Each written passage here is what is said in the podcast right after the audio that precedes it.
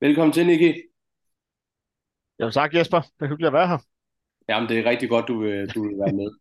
Ja, hvad hedder det? øhm, Jeg har jo øh, ved tidligere lejlighed, har jeg jo talt med din øh, træner, så jeg går ud fra stadig er din træner, Mathias øh, Christiansen. Ja, Og øh, vi drøftede jo især også, øh, hvordan det er, øh, du træner, fordi man kan vist godt sige, at det er ikke sådan, jeg ved ikke, om jeg skal kalde det normen, eller hvad man skal sige inden for, for styrkeløft, det er antal pas, øh, du lægger om, øh, om, øh, om ugen. Jeg kunne godt tænke mig først lige at høre, hvor, hvor mange gange om ugen er det, du træner lige nu? lige nu er jeg nede på fem, øh, fem pas i ugen. Og det kommer af, at jeg skal til at jeg og så videre efter en uddannelse. Men under uddannelsen og har jeg kørt i 6-7 år i alt, har jeg kørt 8-9 træninger. 8 til 9 træning. Ja. Ja, og det, og det vender vi, øh, vender vi tilbage til, øh, og så videre. Øhm, jeg kunne godt tænke mig lige at gå lidt tilbage først, øh, fordi at øh, du er jo ikke, øh, kan man sige, specielt ny til styrkeløft, vel? Det, det er efterhånden ved at være nogle år siden, at, øh, at, øh, at du stillede op. Øh, prøv at tage os lidt tilbage, fordi hvordan kommer øh, Nicky Lenz ind i styrkeløft? Og, øh, og, hvor, og, og hvornår øh, hvor er vi henne øh, øh, tidsmæssigt? Ja, men altså, jeg kom ind i styrkeløft på samme måde, som mange andre unge fyre gør, ved at man starter med at lave noget almindelig styrketræning i et fitnesscenter. Og det kom egentlig helt tilbage fra, da jeg var øh, 18-19 år, så vi er tilbage i 2010. Øh, så det er nogle år siden, hvor at jeg havde nogle kammerater, der gerne ville have, at jeg skulle begynde at træne sammen med dem, og på daværende tidspunkt, der var det ikke noget for mig. Det, det, det skulle jeg holde mig fra. Det var bare store gutter med lavt selvværd. Det var sådan lidt tanken, da jeg var de der 17-18 år.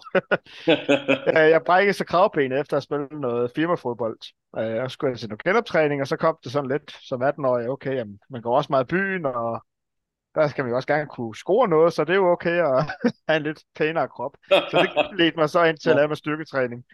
Øhm, og så havde jeg en kammerat, der var trænet, der kendte den lokale klub i Næstved, øh, HG, vægtløftning og styrkeløft. Øh, og så kom jeg derned og fandt ud af, at jeg faktisk var OK stærk ret hurtigt, og så deltog jeg til mit første stævn, Nordland Cup, som øh, ikke rigtig findes længere, men det var dengang det, sådan det officielle, eller det uofficielle DM Klassisk, kan man kalde det, for det var sådan lidt det eneste, vi havde. Øhm, I 2011 må det være, var som første stævn, og så tog det jo egentlig fart derfra. Ja, så tog det for, ja. Er det øh, HG, er det Carsten Doser-klubben? Det er Carsten Doser-klubben, ja. hvis, hvis man sidder derude og lytter med og ikke ved, hvem Carsten Doser er, så prøv at søge ham ind på YouTube. Der er mange, øh, der er mange gode klip med, øh, med ham. Han har mange, der er mange gode klip, og der hvor han står og snakker med, det var ham, der hjalp mig rigtig meget dengang. Både Carsten hjalp mig, men ham, der hjalp mig især, det var øh, HGVS' øh, kasser Peter Olsen. Han øh, hjalp mig rigtig godt at træne mig også i, i den tid, jeg var der. Øh, han er Okay. med på nogle af videoerne også. okay. Det er faktisk bare sjovt, at du, det vidste jeg slet ikke, det med dit kravben, fordi det var øh, præcis samme måde, jeg kom ind i styrkeløb på. Jeg brækkede også mit kravben. Og så er det, ah, de der skide øh, øvelser med øh, en Ja. elastik, det blev lidt kedeligt nok, så må man hellere noget andet også. Ja.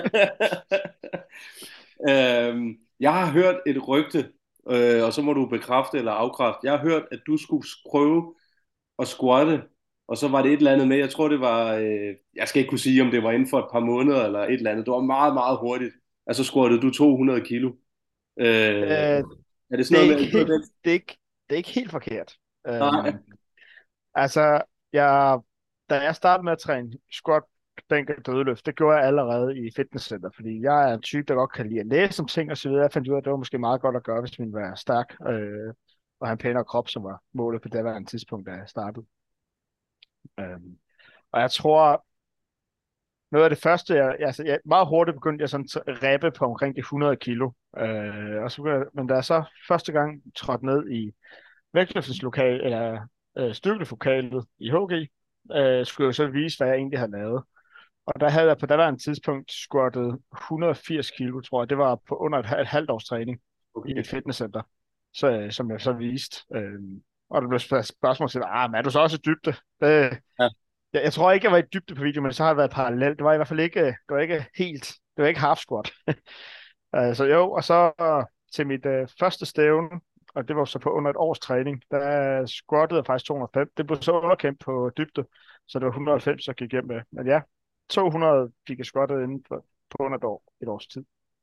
Og det kan man sige... Det er ja, ja, i 83 kilo klassen dengang. Okay, i 83, ja. Ja. Øh, og man kan sige, det er vel rimelig hurtigt, at det går op for dig, at du har et, øh, et talent for, for især at squatte. Altså det, det kan vel ikke have taget så lang tid? Nej, det, det, det gik hurtigt op for mig, at jeg havde ret stort talent der. Man kan sige, at de tal, jeg lavede dengang, og hvor hurtigt jeg lavede dem, det er ingenting i forhold til, hvad folk laver i dag, og heller ikke herhjemme. Det er helt vildt, hvad folk kommer øh, fra sidelinjen af, og kan både squat og bænke og dødløft. Øhm, men på mm. daværende tidspunkt, der var, det, der var det ret store kilo. Det var faktisk ikke så vanvittigt mange, der stod og squattede 200 plus rå, øh, i forhold til det, at det er dagligdag i dag. Nej, det er netop det. Og det har vel også, øh, det, det, hedder, det har vel også meget at gøre med, at informationsmængden øh, den er så meget større. Altså det er jo så nemt i dag at, altså, at, at læse og se og så videre, hvordan man squatter nogenlunde korrekt, og hvordan man skal bygge en træning op og sådan noget, ikke? i forhold til, hvordan det bare, var for bare ja, 12 år siden, ikke? I 2000. Jo, helt, helt sikkert. Der er langt med information, øh, og så er der også en langt, langt større bredde, der rent faktisk øh, har lyst til at lave styrketræning. Så det betyder, at de der, de der talenter, øh, eller det, som dengang ville have været verdensstjernetalenter. Ja. De er måske stadig talenter, men det er ikke dem, der ligger top 0,1 procent, men de er så bare i, bare i top 1 procent nu, ikke? Ja. Øh, så der, der er sket meget, det må man sige. Man kan, ja, også se det på rekord, man kan også se det på rekorderne. Altså, øh, man kan tage i min vægtklasse i 93 kilo klassen. Mushienko øh, fra Ukraine, han har jo lige lavet 1064 kilo i totalen her til VM i udstyr. Øh, med en 350 kilo vægt. Øh, fuldstændig vanvittigt. Det er tal for 10 år siden. Der er det tal, der næsten var uhørt. Altså, det er få tal, der kunne gøre det bare i 120 kilo klassen på det der tidspunkt. Så det er helt vildt, hvad der sker. Ja, ja. ja lige netop. Jeg kan huske, at der var ham, der kom frem. Øh, ham ved du sikkert også godt, hvem, hvem er Kevin Jager. Ja. Øh, som var sådan et super øh, talent, ikke? Og han bænkede omkring de der 350 i 120 kilo klassen, og han var altså enkeltbænker. Han var jo ikke engang øh, tre, øh, hvad hedder det, trekæmper. Og så har du sådan ja. en, som du siger, Enko i dag, der laver det samme, ikke? I to vægtklasser. Ja, ja. det er, helt, det er helt vanvittigt at se på. Og det, der så også er interessant, det er, at i det tilfælde er det jo rigtig meget omkring, hvor dygtig man er til at bruge udstyr. Fordi både øh, Moshenko i hvert fald forhold til det, han lægger op, og også Jæger, de bænker ikke meget over 200 uden trøjen. Øhm, så de får de der 100-150 kilo ud af en trøje. Det er fuldstændig vanvittigt.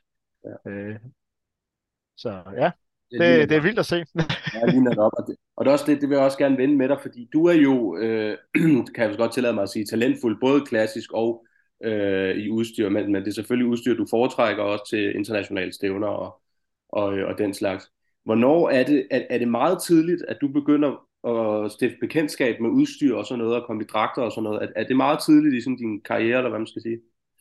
Nej, jeg tror ikke, det er særlig tidligt. Um, HG har ikke rigtig, har ikke rigtig en udstyrsdel. Um, det er meget klassisk, det fokuseret, og det var det, som, som de, de, de fokuserede på. Um, og i, der var jeg jo så fra 2011 stykker frem til 2013 øh, sommer, og der smuttede jeg så til Aalborg Sportshøjskole og skulle være gå som elev der. Og der mødte jeg jo så både Mathias Vedsø og hvad hedder det, øh, Bundgaard og mm-hmm. hvad hedder Hjort og Mainz og mange Hjort. af de andre rigtig, rigtig dygtige, øh, og Hjort også, ja, øh, mange af de rigtig dygtige udstyrsløfter, øh, som vi havde, de var meget lokaliseret øh, i Nordjylland, både i hvad Sportshøjskolen og Aarhus og så videre. Der var mange af de rigtig gode udstyrsløfter øh, på, på øh, den jyske side. Ja. Øh, og så blev jeg automatisk det bekendtskab med det. Og jeg skulle så trænes af Mathias, og jeg spurgte, om han ville træne mig øh, omkring, ja, det har vel været omkring september, september måned i 2013, så vi er jo snart på 10 mhm. år øh, samarbejde. Det er ret vildt. Og aftalen det er var... Ja, det er ikke meget galt.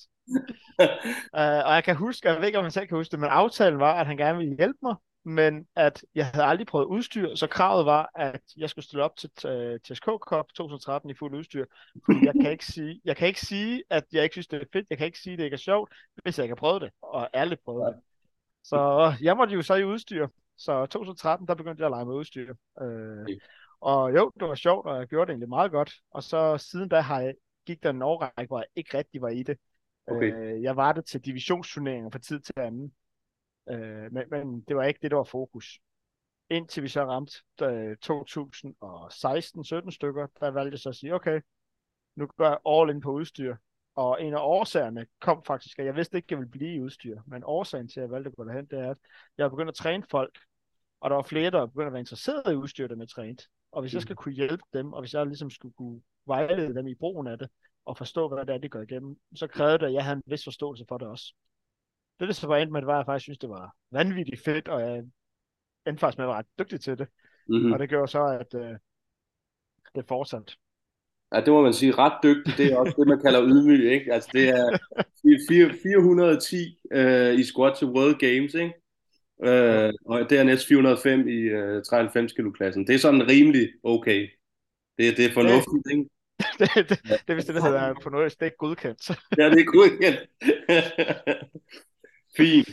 Hvad hedder det? øhm, Jeg kunne godt tænke mig, fordi vi kan selvfølgelig slet ikke øh, gå i, i dybden af det hele med udstyr og sådan noget, fordi det er jo virkelig komplekst, men hvis man er klassisk løfter, og man har løftet klassisk i ja, hele tiden, altså man har aldrig nogensinde prøvet andet, og man kunne godt tænke sig, at det der udstyr, det ser sgu egentlig lidt spændende ud, når man sidder og kigger på den der øh, livestream. Hvordan, altså, hvordan pokker går man til det? Det der udstyr, ikke? Øh, altså, øh, man skal, for det første, man skal jo være en klub, hvor der er mulighed for det. Og der skal være nogen, der kan hjælpe en, og sådan noget. Men, men hvad, hvordan, hvad skal man ligesom indstille sig på, ikke, øh, når man skal prøve det? Altså hvis man kommer fra en klub, hvor udstyr er en, en fast del, og det kunne fx være Sportshøjskolen, øh, Aalborg Stykkeklub, Aarhus, Tårnby, øh, ja. Stykkeklub. Det er nogle af de klubber, som generelt øh, har vanligt er i udstyr. Altså hvis man er i nogle af dem, så er det bare at gå hen til dem, man øh, træner med, og sige, hey, jeg kunne godt tænke mig at afprøve det, øh, og se, hvad der sker. Man skal bare være klar på, hvis man gerne vil afprøve det. Man kan godt lige prøve det en enkelt gang og mærke, og det kommer til at føles ubehageligt til at starte med, og det bliver alle, første gang de udstyrer, når de prøver det, så bliver de meget overrasket, hvad det egentlig er, de går ind til. Øh, der, er nogen, der, der er nogle, der tror, at det er bare at tage på, så virker det, og der er nogen, der ikke har nogen anelse om, hvad det egentlig er, der skal til. Og det er noget, noget anderledes at bevæge sig i. Jeg plejer at sammenligne det med, at klassisk styrkeløft, det svarer til højdespring, hvor at udstyrsstyrkeløft så er stangspring.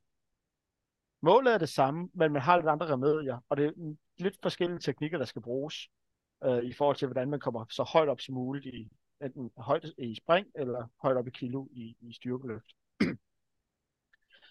så i det tilfælde, så er det bare at gå derhen og så være klar på, at det her det er en periode, man skal igennem, for det er faktisk ret svært at bevæge sig i. Nogle de formår at gøre det ret godt første gang, anden gang, men på et tidspunkt, når så begynder at komme kilo på, så, find, Mm. så begynder teknikken at krakelere, og så skal, er, der, er det der, man virkelig skal arbejde.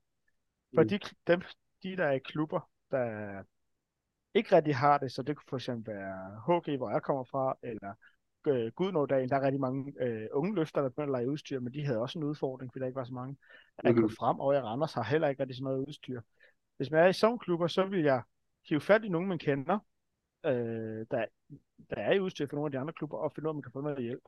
Alternativt kan man hive fat i Dansk Styrkeforbund direkte, fordi der er nogen, der laver nogle brede træf. Det er Jørgen Rasmussen fra Horsens, øh, bruger rigtig meget tid på at lave de her bredetræf. Han har rigtig meget udstyr, brugt udstyr liggende, som han tager med ud til klubberne, så folk kan afprøve det.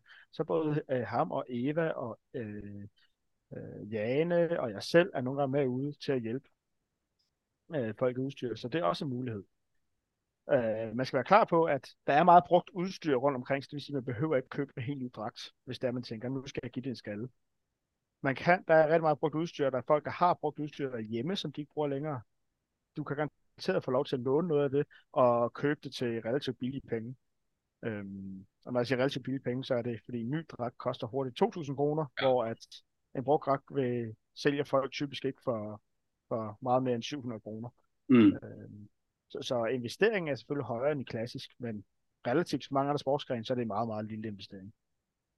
Og så er det jo egentlig bare at give den gas, og så være klar på, at du kommer til at skulle bruge noget hjælp for at lære at bruge det her. Men overall tror jeg, og det kan også, jeg er selvfølgelig farvet af, at jeg selv er udstyrsløft nu, Ja. men jeg tror, alle vil have godt af at prøve at køre i udstyr noget tid.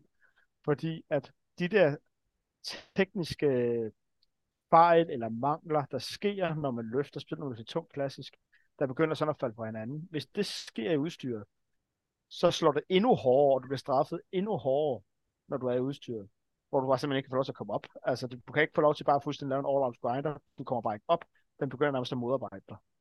Øhm, så ved at være i udstyret, og virkelig prøve at finde ud af, hvordan kan jeg bevæge mig optimalt her, har, det var det i hvert fald for mig, og flere af dem, jeg træner, havde en rigtig god overførsel til det klassiske, mm-hmm. hvor man mhm. ligesom begyndte at bevæge sig pænere og mere optimalt.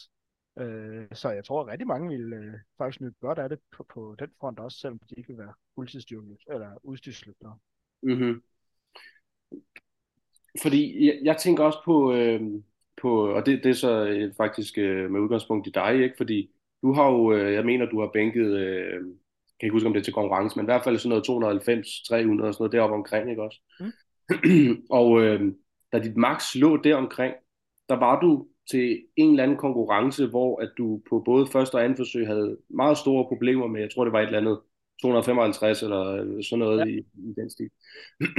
og altså for en klassisk løfter, det vil jo, altså der er selvfølgelig altid undtagelser, men det kan jo næsten ikke ske, hvis, hvis det var en klassisk vel, at man kan falde så meget, altså for, øh, eller have så store problemer med så meget under øh, PR, ikke? Øhm, er, er det simpelthen bare fordi, at udstyret det er så svært, at, at det kan svinge så meget, pendulet kan svinge så meget ud, eller, eller hvordan kan så noget ske? det er helt sikkert også en faktor, det, det her med udstyret, hvor svært det kan være at styre. Øhm, for at tage det, der skete øh, til World Games, der går med jo desværre ud. Mm. Og det kommer af, at i det, i det tilfælde var det, fordi jeg gled rigtig meget på gulvet. Jeg havde store problemer. Jeg trykker utrolig hårdt i gulvet, øh, når jeg spænder op, specielt når jeg har udstyr på. Øhm, og det er jeg meget afhængig af. Der glider jeg meget, og det endte så ud i, fordi jeg ikke nåede at finde en løsning inden for de tre løft, at jeg bør ud.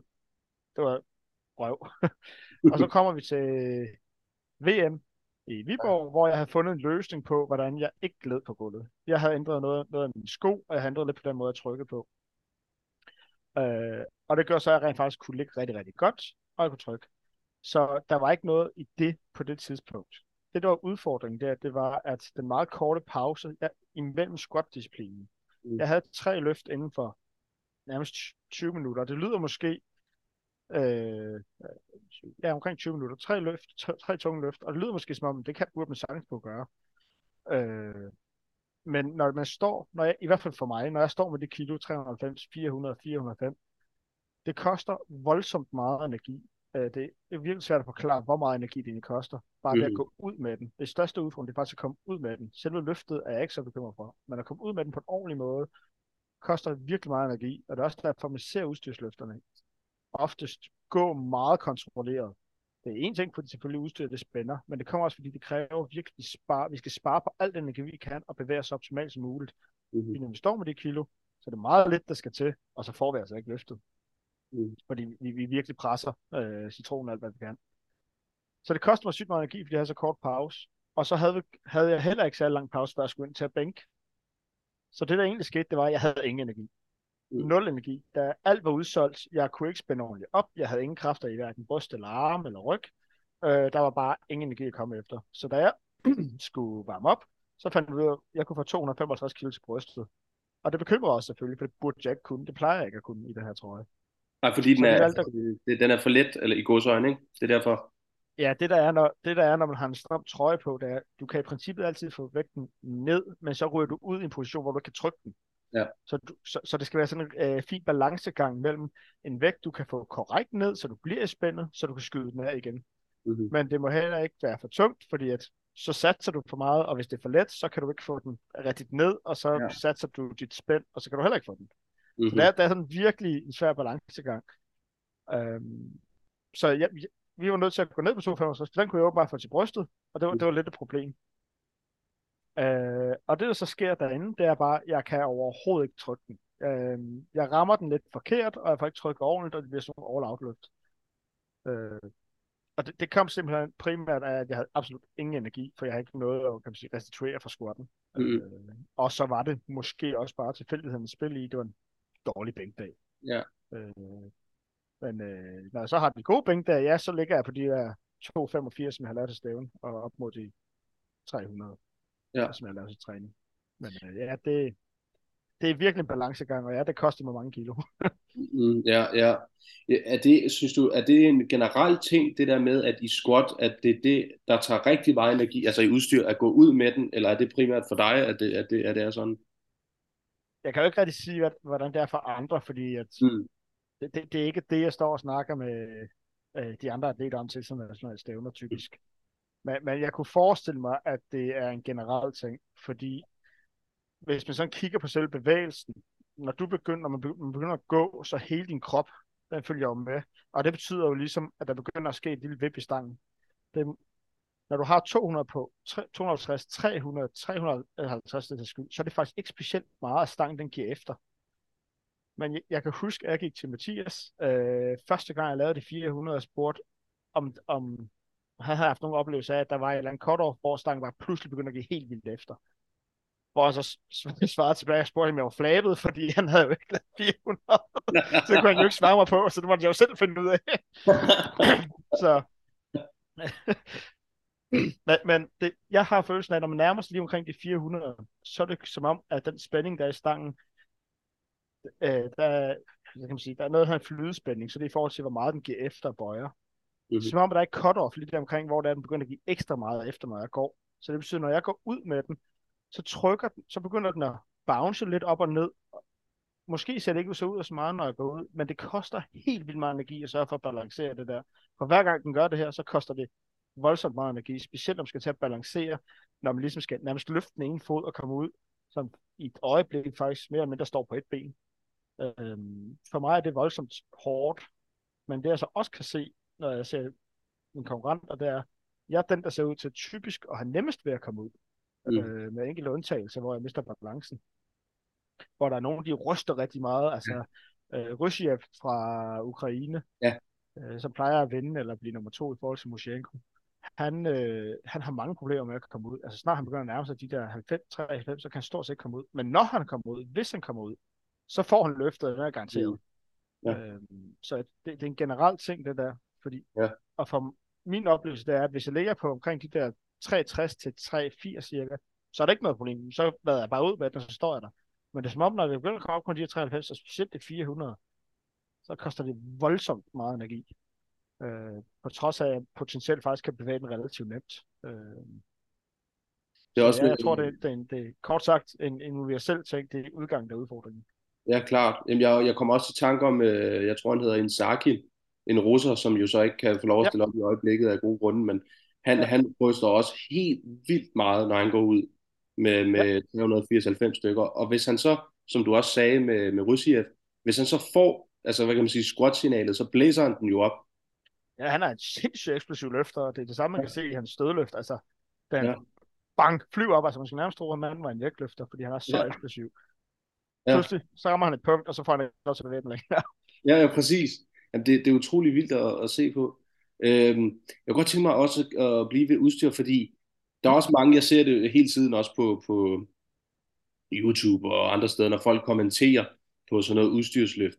Noget af det, som også, nu nævnte du også selv Musienko, altså der er jo nogen, de bænker mere i udstyr, end de dødløfter.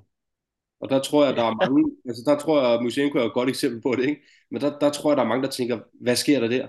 Øh, ja, altså, vi, altså hvordan, hænger det lige, hvordan hænger det lige sammen, hvis du skulle prøve at forklare det? Jamen, det kommer af, hvordan udstyret fungerer, øh, og hvordan det hjælper en. Dødløftdragten, fordi der ikke er en ekscentrisk fase, øh, som der er i squat og dødløft, så betyder det så også den måde, dragten er lavet på, fordi du skal kunne komme ned på, til, den, til stangen på en eller anden måde, gør, at den kan ikke hjælpe dig på samme måde. Øh, den har simpelthen ikke lige så meget støtte. Øh, I mit tilfælde virker, får jeg måske det er svært at sige, fordi jeg har haft græsproblemer henover, men jeg får måske 15 kilo ud af dragten, øh, hvis vi ignorerede øh, græsproblemerne i et øjeblik. Hvor der er nogen, der får 30, 40, 50 kilo, men okay. det er bare, det, øh, men det er typisk ikke mere end det. Øh, hvor at trøjen med de dygtige, de får op mod 100 kilo ud af trøjen. Og det samme i skårdragten, de dygtige får op mod 100 kilo, øh, og nogen også mere, ikke? Så det kommer det er simpelthen på den måde, hvordan udstyret er på, og jeg tror, en stor del af årsagen, det er, det at der ikke er en excentrisk fase. Øh, og det vil sige, at den der nedadgående fase eksisterer jo ikke rigtig i, i dødløft. Nej, nej. 50 kilo i en dødløftdragt, det er ikke ret meget. Jo, det er meget, men der er okay. vist enkelte, der gør det. Øh, jeg kan ikke huske, jeg ved, Katrine Bak, Hun får en Ja. del ud af det. Jeg ved ikke, om det er 50. Og det, det er øh, nok men ikke hun langt får fra. en del ud af det. Nej, Ja. det tror jeg heller ikke, det er. Mm. Øhm, hun er et godt eksempel på, hvordan man kan have en voldsom stram, stram dragt på. Og hun er også et godt eksempel på det her med virkelig at presse dragten til det yderste. Fordi hun er en person, øh, nu skal jeg passe på, hvad jeg siger, hvad hun Ja, er ja, ikke 100% selvfølgelig. sikker, men Ja, ja, altså, når jeg snakker med hende, så er min forståelse være, at hun skifter praktisk talt dragten ud. Ikke, hvis ikke hvert år, så til hvert internationalt stævne. Øh, af sin dødløftsdragt. Og det vil sige, at den er voldsomt stram hver gang. Så hopper hun i en ny, helt stram dragt, sådan til en landsholdssamling lige inden stævnet, og så hopper hun lidt til stævnet, og så giver hun den gas. Okay. Øh, For, for folk, der ikke ved noget, så meget om udstyr, at, at det, er slet, det er slet ikke normalen at gøre, at gøre sådan. det er ikke min opfattelse, nej. Nej. Men spørgsmålet er, hvad, hvad, hvad er normalen? Fordi at styrkeløft generelt er jo, i hvert fald i Danmark, en, det er ikke en professionel sport, det er jo en amatørsport. Så det betyder så også, at ofte så går folk ind med den mentalitet. Og det vil sige, at okay, skal jeg købe en ny dragt hver gang, det koster også penge. Ja. Og det virker egentlig fint nok, det jeg gør nu, og så videre og så videre. Og Ja. det øh, kræver meget dedikation at skulle hoppe i en ny hele tiden, og være, tro på, at man egentlig kan få noget for den til at virke. Og det koster også penge hver gang. Ja. Øh, så, så for nogle er det måske normen, øh, for andre er det ikke. Øh, Nej, nej, det, tror, netop. det tror jeg er lidt svært. Jeg, min oplevelse er, at de fleste har dragterne lidt for længe, og Okay. bruger dem lidt for længe, og lader dem blive lidt for gamle. Okay. Øh, det, det er min opfattelse, altså i, når vi sådan, i dansk regi i hvert fald. Ja, ja. Øh, men igen, det er en udgift, så det er det der med, at man skal vægte. Okay, er det det værd, at jeg skal til at købe en ny øh, hver andet år, eller hver tredje år, eller hvert år, for den sags skyld, end at jeg egentlig har det fedt på det her, jeg har fået til at virke, og jeg kan egentlig stadig blive bedre, i den. Øh, Mm-hmm. Så det er jo, det er jo sådan en personlig ting, hvordan man vægter det. Hvad med sådan noget som knæbind? Er det, er det mere normalt, at man skifter det ud rimelig regelmæssigt, eller hvad? Eller, eller bruger man også de samme der, øh, eller hvordan hænger det sammen? Jeg tror, det er lidt mere normalt, at man skifter dem ud. Jeg ved for mig selv, det er det, jeg skifter ud oftest. Øhm, jeg, jeg skifter dem typisk ud hver stævne. Øh, Okay. Eller hver- andet stævne.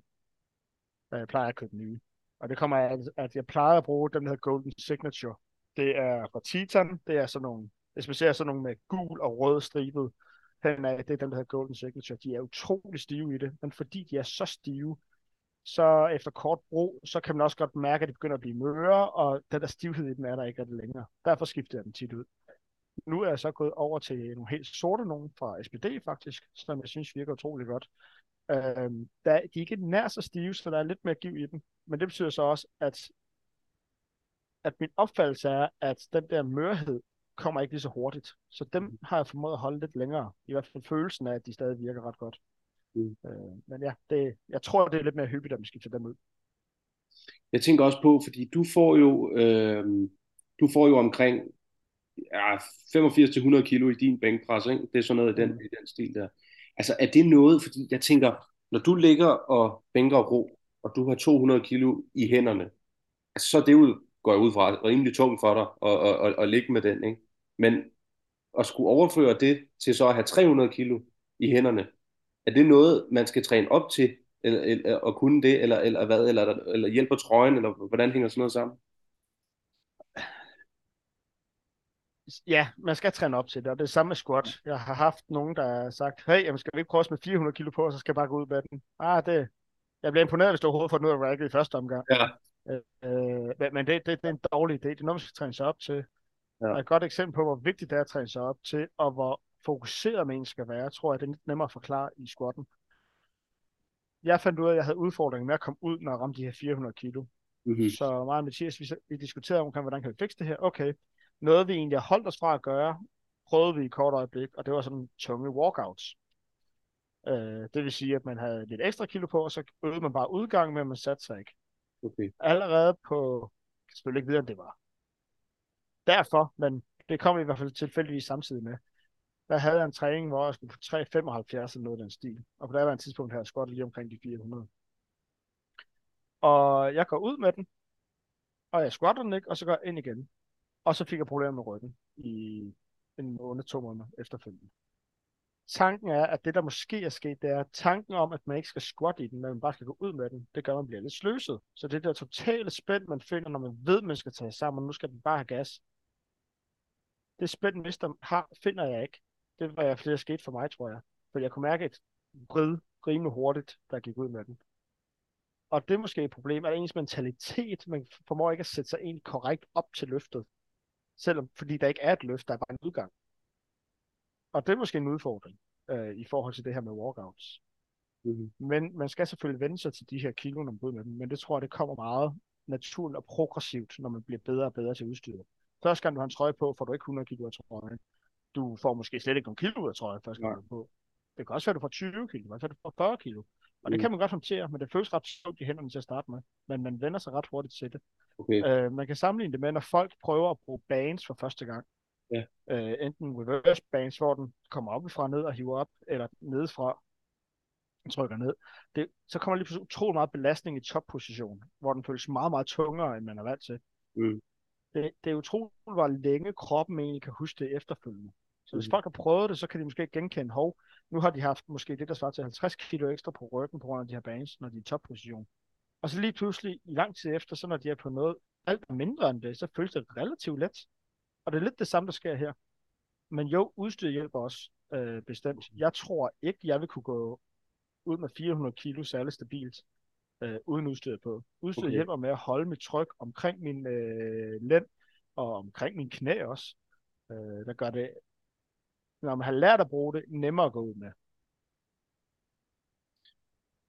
Meget interessant. Øh, vi skal til at runde af, men jeg, jeg vil godt ja. øh, lige spørge øh, til sidst, øh, hvad er egentlig øh,